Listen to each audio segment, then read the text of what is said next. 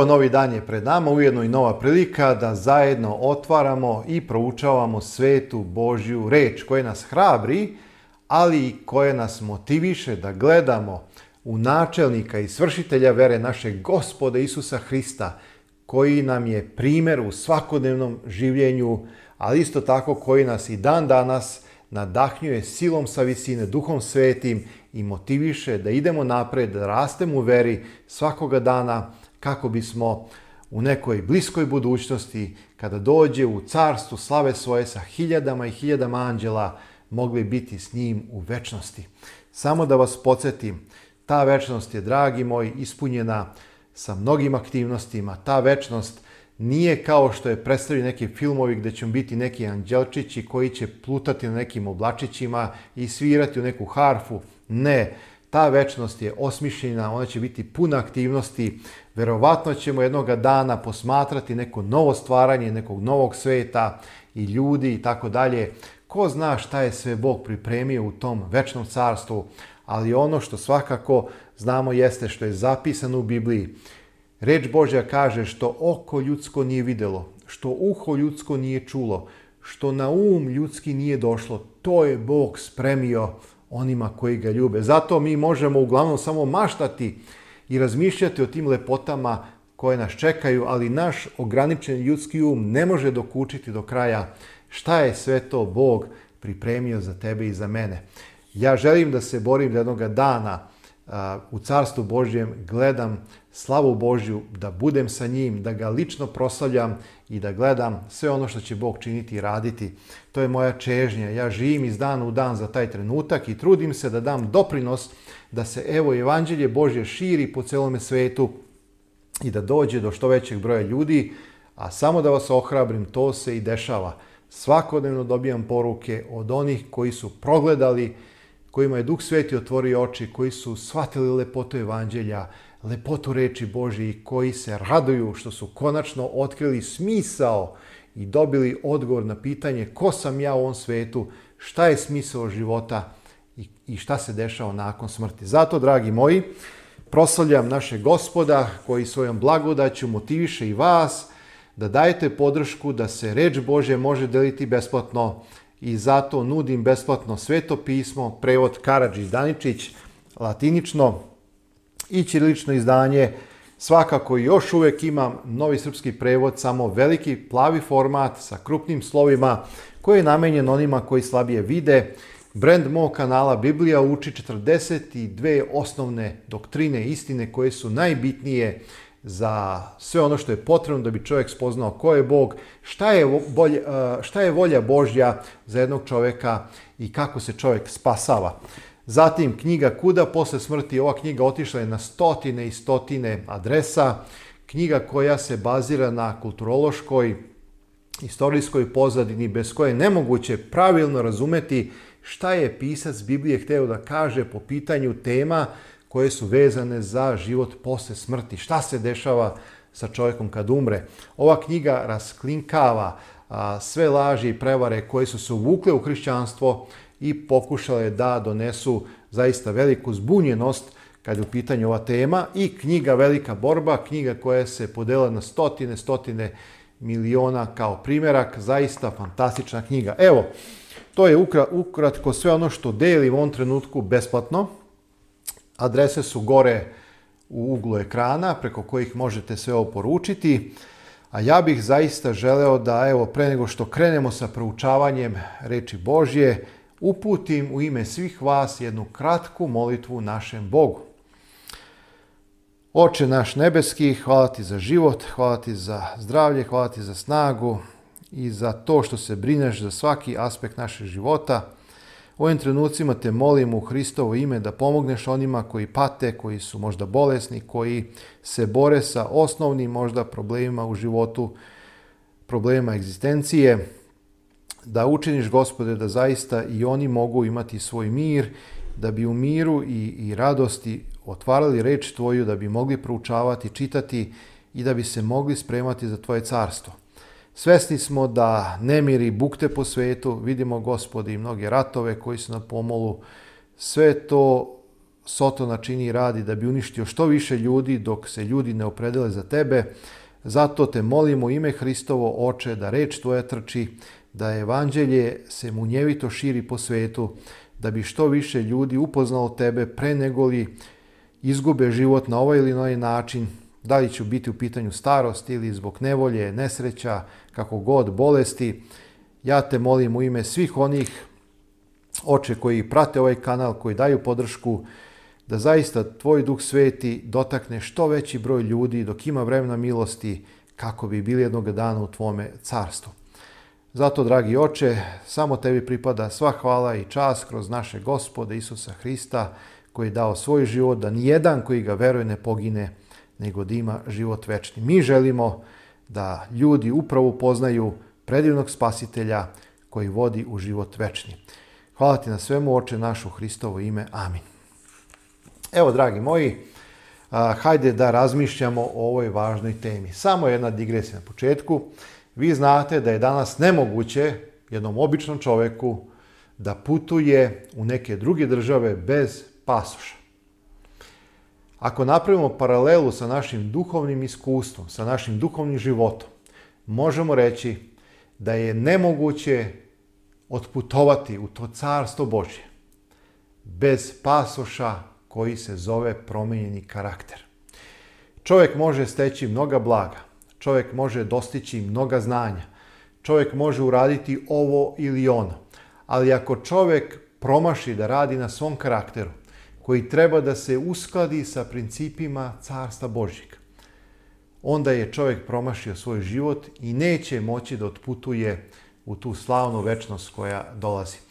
Zato Biblija daje neke smernice kako možemo karakter koji je nasledio tu grešnu palu ljudsku prirodu biti promenjen. Kako možemo promijeniti svoj karakter i činiti ono što je Bogu ugodno.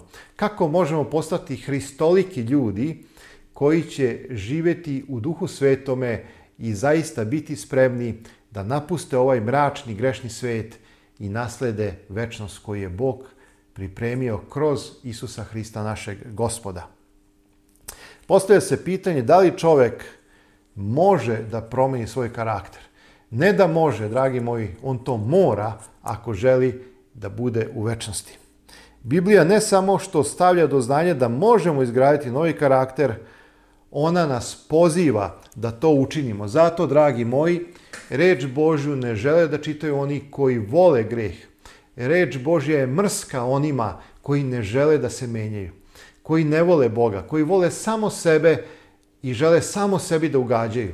Zato, dragi moji, oni će odgurnuti reč Božju. Juče sam pričao sa jednim prijateljem koji se totalno predao Bogu i koji je rekao ja sam mojim roditeljima dao Bibliju, ali oni samo filozofiraju, tu Bibliju su gurnuli u orman i ne žele da čitaju.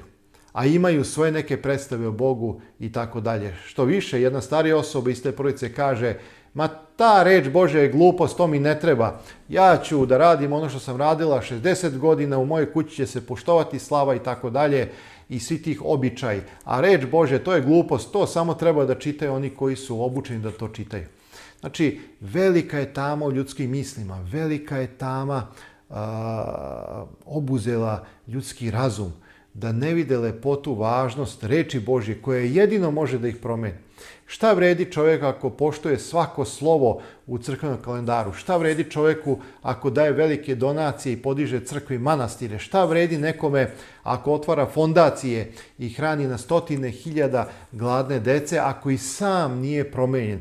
Ako i sam ima određene probleme u svom životu i svom karakteru, ako i sam nije kleknuo pred Boga i pokajao se u poniznom duhu i rekao budi milostiv meni grešnome. Dragi moj to ništa. Mi možemo biti most da se mnogi ljudi spasu. Ali pitanje je da li ćemo se i sami spasiti ako nismo promijenjeni. Karakter izgrađen po Božjem uzoru predstavlja blago koje ćemo sa ovoga sveta moći da prenesemo na budući. Znači, karakter predstavlja blago. Znači, mnogi ljudi, kao što sam rekao, ulažu ceo svoj život, nevjerojatno veliku energiju da bi nešto stekli i ostavili. A to nešto, kaže reč Božja, izješće i moljac i rđa. nije loše da čovjek ima i Bog je rekao šest dana radi sa znojem lica svojega i tako dalje. Znači, i ako je čovjek vredan i ako radi, pa on će da ima. I to što ima nije greh, to je blagoslov. Znači, materijalne stvari same po sebi nisu greh. Greh je onda kada mi postanemo opsednuti tim zemaljskim materijalnim bogatstvima i stvarima i kada to bude jedini predmet našeg života, svih naših snaga i ciljeva. To onda postaje greh. Onda to bogatstvo ne služi nama i nije nama na blagoslov, nego mi njemu služimo, a to je onda idolopoklonstvo. Evo, tu je razlika. Znači, naš karakter je naš pasoš, viza za nebo, u isti mah jedno od naših najvećih životnih dostignuća koje ćemo sa ovoga sveta moći da prenesemo na onaj večni. Zato, dragi moji, ovo je možda i najozbiljnije pitanje naše hrišćanskog života. Kako izgraditi karakter? Kako doživjeti tu transformaciju uma? Kaže apostol Pavle u Rimljanima, promenite se obnovljenjem uma svojega, da biste mogli razumjeti šta je ugodna volja Božja i tako dalje. Sjetite se susreta Nikodima i Hrista. Kada je Nikodim došao i obratio se Isusu, Isus kaže Nikodimu, Nikodime, zaista, zaista ti kažem, ako se ko nanovo ne rodi duhom i vodom, ne može ući u carstvo Božje. Znači, evo, zato na samom početku izdvajam najbitniji dijalog dijalog koji je od suštinske važnosti i vrednosti, a koji se desio u Evanđelju po Jovanu trećem poglavlju, Da je Isus izrekao istinu koja ne može da se promeni, istinu koja ne može da se umanji, da, da se izvrne ovako ili onako, istina koja je vrlo jednostavna i precizna. Nikodime, ako se na novo ne rodiš vodom, što znači krštenjem i duhom, nećeš ući u carstvo Božje. Što je rođeno tela, telo je, a što je rođeno duha, duh je. Drugim rečima, što je rođeno tela, telo je. Znači, mi smo se rodili u grehu, mi smo nasledili palu grešnu ljudsku prirodu, naš karakter je oskrnavljen, mi možemo biti, znate, obrazovani, mi možemo biti naučeni, mi možemo biti kulturni, emancipovani, elokventni i tako dalje, ali, znate, imate ono kada ljudi kažu, ma on ide u carstvo Božje, on nije mrava zgazio. Tačno, ima ljudi koji nisu mrava zgazio u tom nekom smislu, ali i taj čovjek koji nije mrava zgazio u svom životu, ako se nije pokajao, ako nije prihvatio Hrista i ako nije svoj život predao Hristu u tom javnom smislu, da je učinio zavet krštenje i da ga je priznao pred svedocima a, i da mu se posvetio u tom svetom življenju, pa i to što nije mrava zgazio ne vredi ništa. Jer bez Isusa Hrista, bez opravdanja verom, bez te uračunate i date pravde koje je u Hristu, bez tih belih haljina Hristove pravednosti, dragi moji, nema carstva Božjega. A sa druge strane, sve je to i veoma lako. Evanđelje je jednostavna stvar. Evanđelje se bazira na ljubavi. Ako si odlučio da ideš za Isusom Hristom, ako si odlučio da ga voliš, onda je tvoj život i ispunjen, i osmišljen, i ti si radostan, i nemaš nikakav teret, jer mnogi ljudi misle, jao, pa ko će onda biti spašen? Pa ko će onda ući u Carstvo Božje? Pa svako, dragi moji. Svako ko je odlučio da krene za Isusom, svako ko je odlučio da voli Isusa i da živi za njega i da propovijeda evanđelje, to je vrlo jednostavno. Evo, znači, a, evo nekoliko nepogrešivih pravila kako, dragi moji, da, da naš karakter bude usklađen sa, sa reči Božjem. Drugo Korinčanima 3.18 kaže usmerava našu pažnju koga i šta gledamo. Znači, mi možemo gledati samo o zemaljske stvari, možemo se ispunjavati samo onim što je telesno, što je materijalno, što je grešno i definitivno to neće doneti nikakvu promjenu. Zato prva stvar koju moramo učiniti jeste da fokus našeg pogleda usmerimo ili preusmerimo od ovozemaljskih stvari u ono što je nebesko. Kaže apostol Pavle, zapišite tekst i čitajte ga više puta. 2. Korinčanima 3.18 Kaže ovako, mi pak svi koji otkrivenim licem gledamo slavu gospodnju, preobražavamo se, ovo je ključna misao, preobražavamo se u to isto obličje i slave u slavu kao od gospodnjeg duha. Drugim rečima, original kaže gospodnjim duhom. Znači, nemoguće je gledati ozomajske stvari, a očekivati da budemo preobraćeni, da budemo preobraženi u to nebesko nebesko može biti samo deo našeg života ako je usmeren naš pogled ka onome što je nebesko. Zakon naše, evo, knjiga Velika borba, znači iz ove knjige Velika borba na 450. Toj stranici e, iznosim pred vas ovaj citat, fantastičan citat. Zakon je naše duhovne i intelektualne prirode, da se menjamo kroz ono što posmatramo, naš um je prožet onim čime se bavi, mi postajemo slični onome što smo navikli da volimo i poštujemo, čovjek se neće nikada uzdići više nego što je njegovo shvatanje o čistoti, dobroti i istini. Vidite, šta je ono što nas obuzima, šta je ono što nas interesuje, šta je ono što nas zanima, mi ćemo tome postati slični, jer ćemo to slušati, to ćemo gledati. Da li se ikada pitamo kakav se materijal ugrađuje u naš karakter, dok gledamo TV, sapunice, emisije, nasilne filmove, dok čitamo ovo ili ono neku žutu štampu, dok na društvenim mrežama pratimo ovo ili ono, ispunjavamo se gnevom, negativnostima, mržnjom i tako dalje i tako dalje. Kako se obrazuje naš karakter dok slepo sledimo ljude koji su možda neki naš ideal? Znači, nemojmo nikada zaboraviti da ono što gledamo, to ćemo biti. Onoga koga gledamo, postaćemo slični. Kuda gledamo, tamo ćemo stići. Znači, ako gledamo u Carstvo Božje, ako gledamo u Hrista, načelnika, svršitelje vere, pa tamo ćemo stići. Ako gledamo samo ovo što je na zemlji, tu ćemo ostati. To je prva stvar. Gde je usmeren naš pogled? E sada, o čemu razmišljamo? Rimljanima 8.5. Jer koji su po telu telesno misle, a koji su po duhu duhovno misle. Jer telesno mudrovanje smrti je, a duhovno mudrovanje život je mir. Vidite kako Pavle iznosi jednu predivnu istinu, da je e, značaj onome čemu mi razmišljamo. Jer telesno mudrovanje, pazite, neprijateljstvo je prema Bogu jer se ne pokorava zakonu Božem niti može, a koji su u telu ne mogu gojiti Bogu.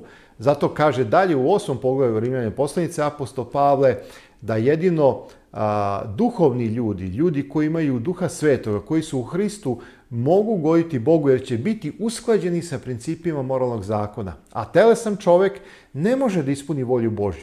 Telesan čovjek ne može da bude ugodan Bogu. Telesan čovjek ne može da proslavi Boga jer je telesan i ne može da bude prijatelj. Biblija kaže on je neprijatelj Bogu.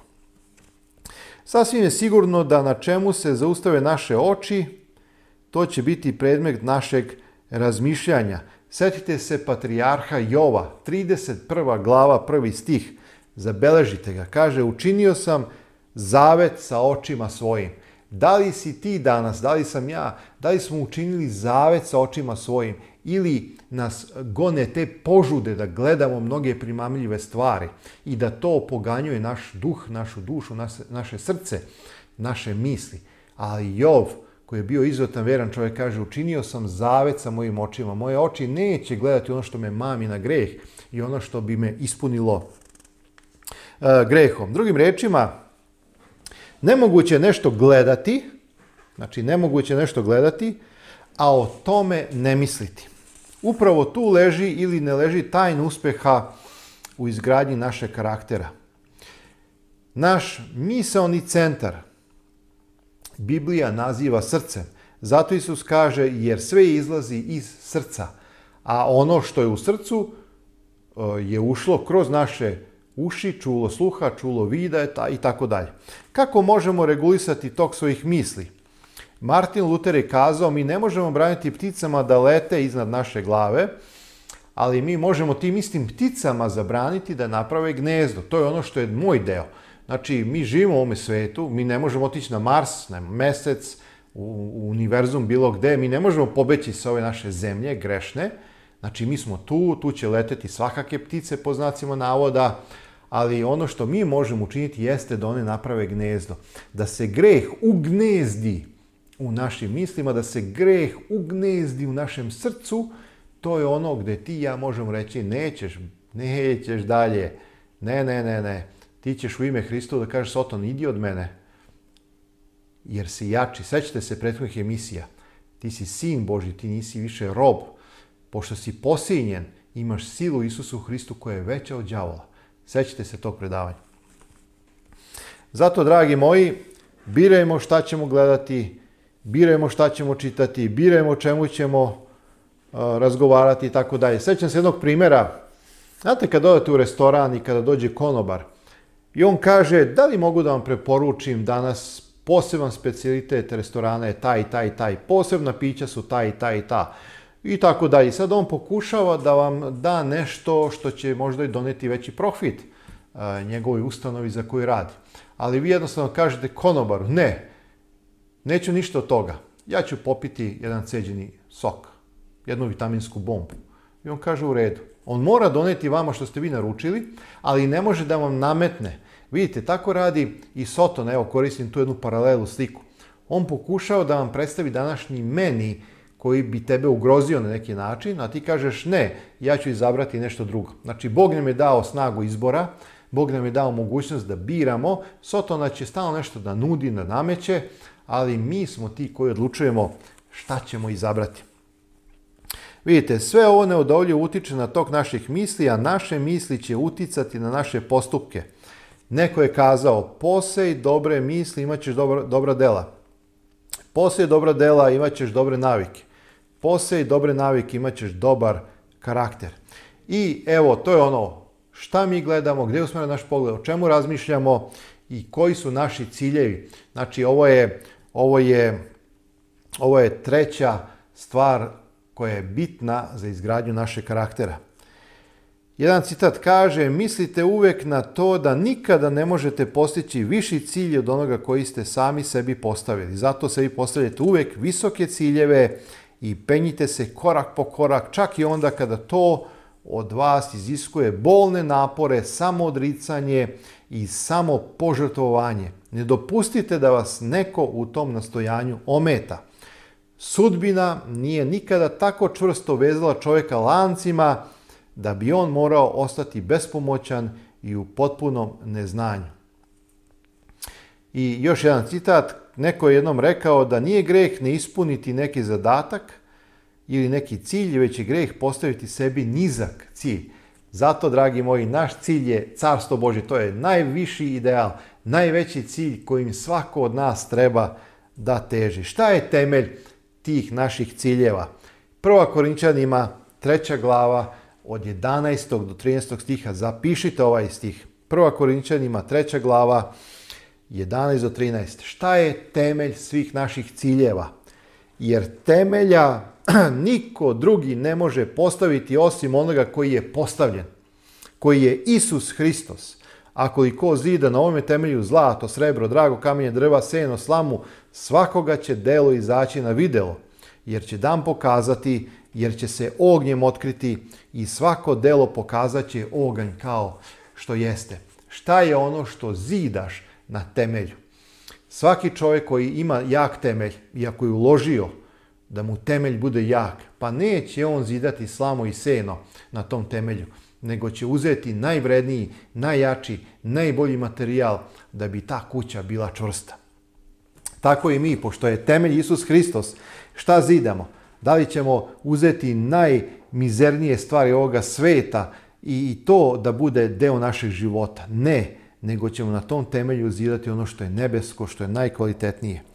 Izgraditi svoj karakter na Isusu kao temelju znači gledati uvek na Isusa, misliti uvek o Isusu, u svim svojim životnim ciljevima postati postaviti Isusa na visoko mesto i naš život će tada biti osmišljen. Tada ćemo biti dobri supružnici, tada ćemo biti dobri unuci, tada ćemo biti dobri roditelji, tada ćemo biti dobri građani, tada ćemo biti pošteni u svakodnevnom našem življenju i biti primjer drugim ljudima i biti neodoljiv magnet koji će privlačiti druge grešnike e, Isusu Hristu kroz naš život koji je sada utemeljen na njemu, na tom temelju koji je večan.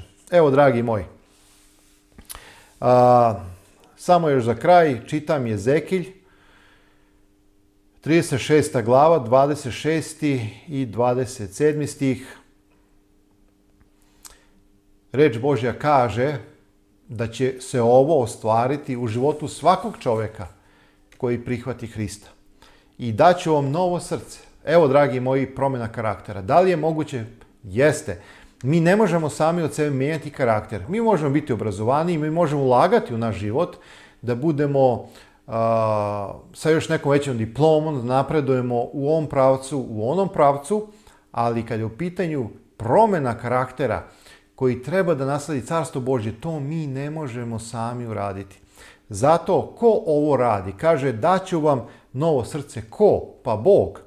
I nov ću duh metnuti u vas. Ko će to uraditi? Pa Bog izvadit ću kameno srce iz tela vašega. Ko će izvaditi to kameno srce? Ko jedino može da odvoji trosku od zlata? Pa Bog. I daće vam srce mesno.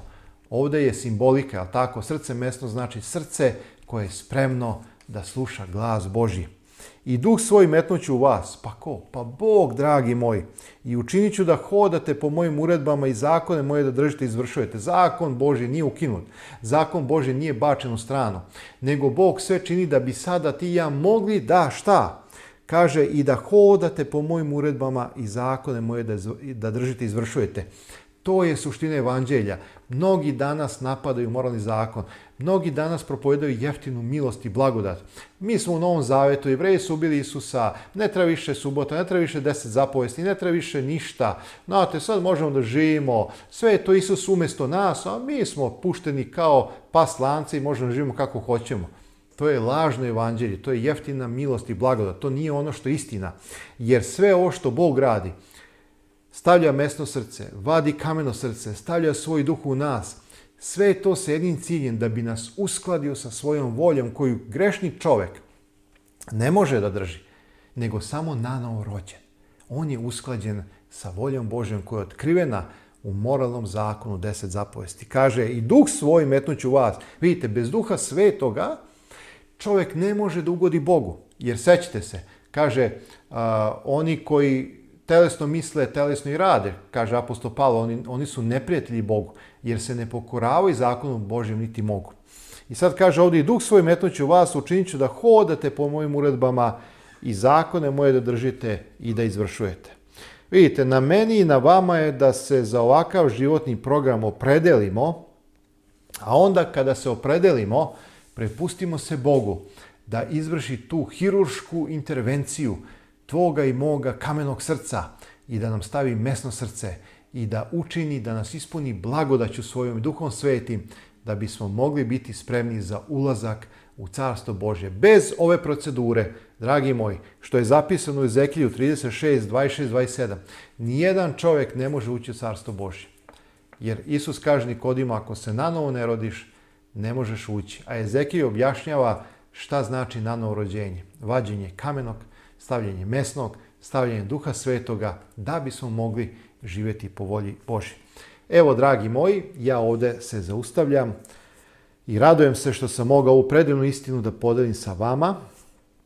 Vidite sami da je evanđelje jednostavno, treba ga čitati otvorenog uma i treba razmišljati o mnogim tekstovima i praviti te predivne paralele koje tako snažno siklavaju istinu koju nam reč Božja Biblija želi naglasiti. Neka vas dragi Bog čuje i blagoslovi, sve vas volim, molimo se jedni za druge, teška su vremena, ratovi polako kreću, ali bez obzira na bilo kakve nevolje, veći je onaj koji je u nama negoli koji je u svetu. Ako imamo Hrista u nama, onda, onda se nemamo čega plašiti. Svakom dobro želim.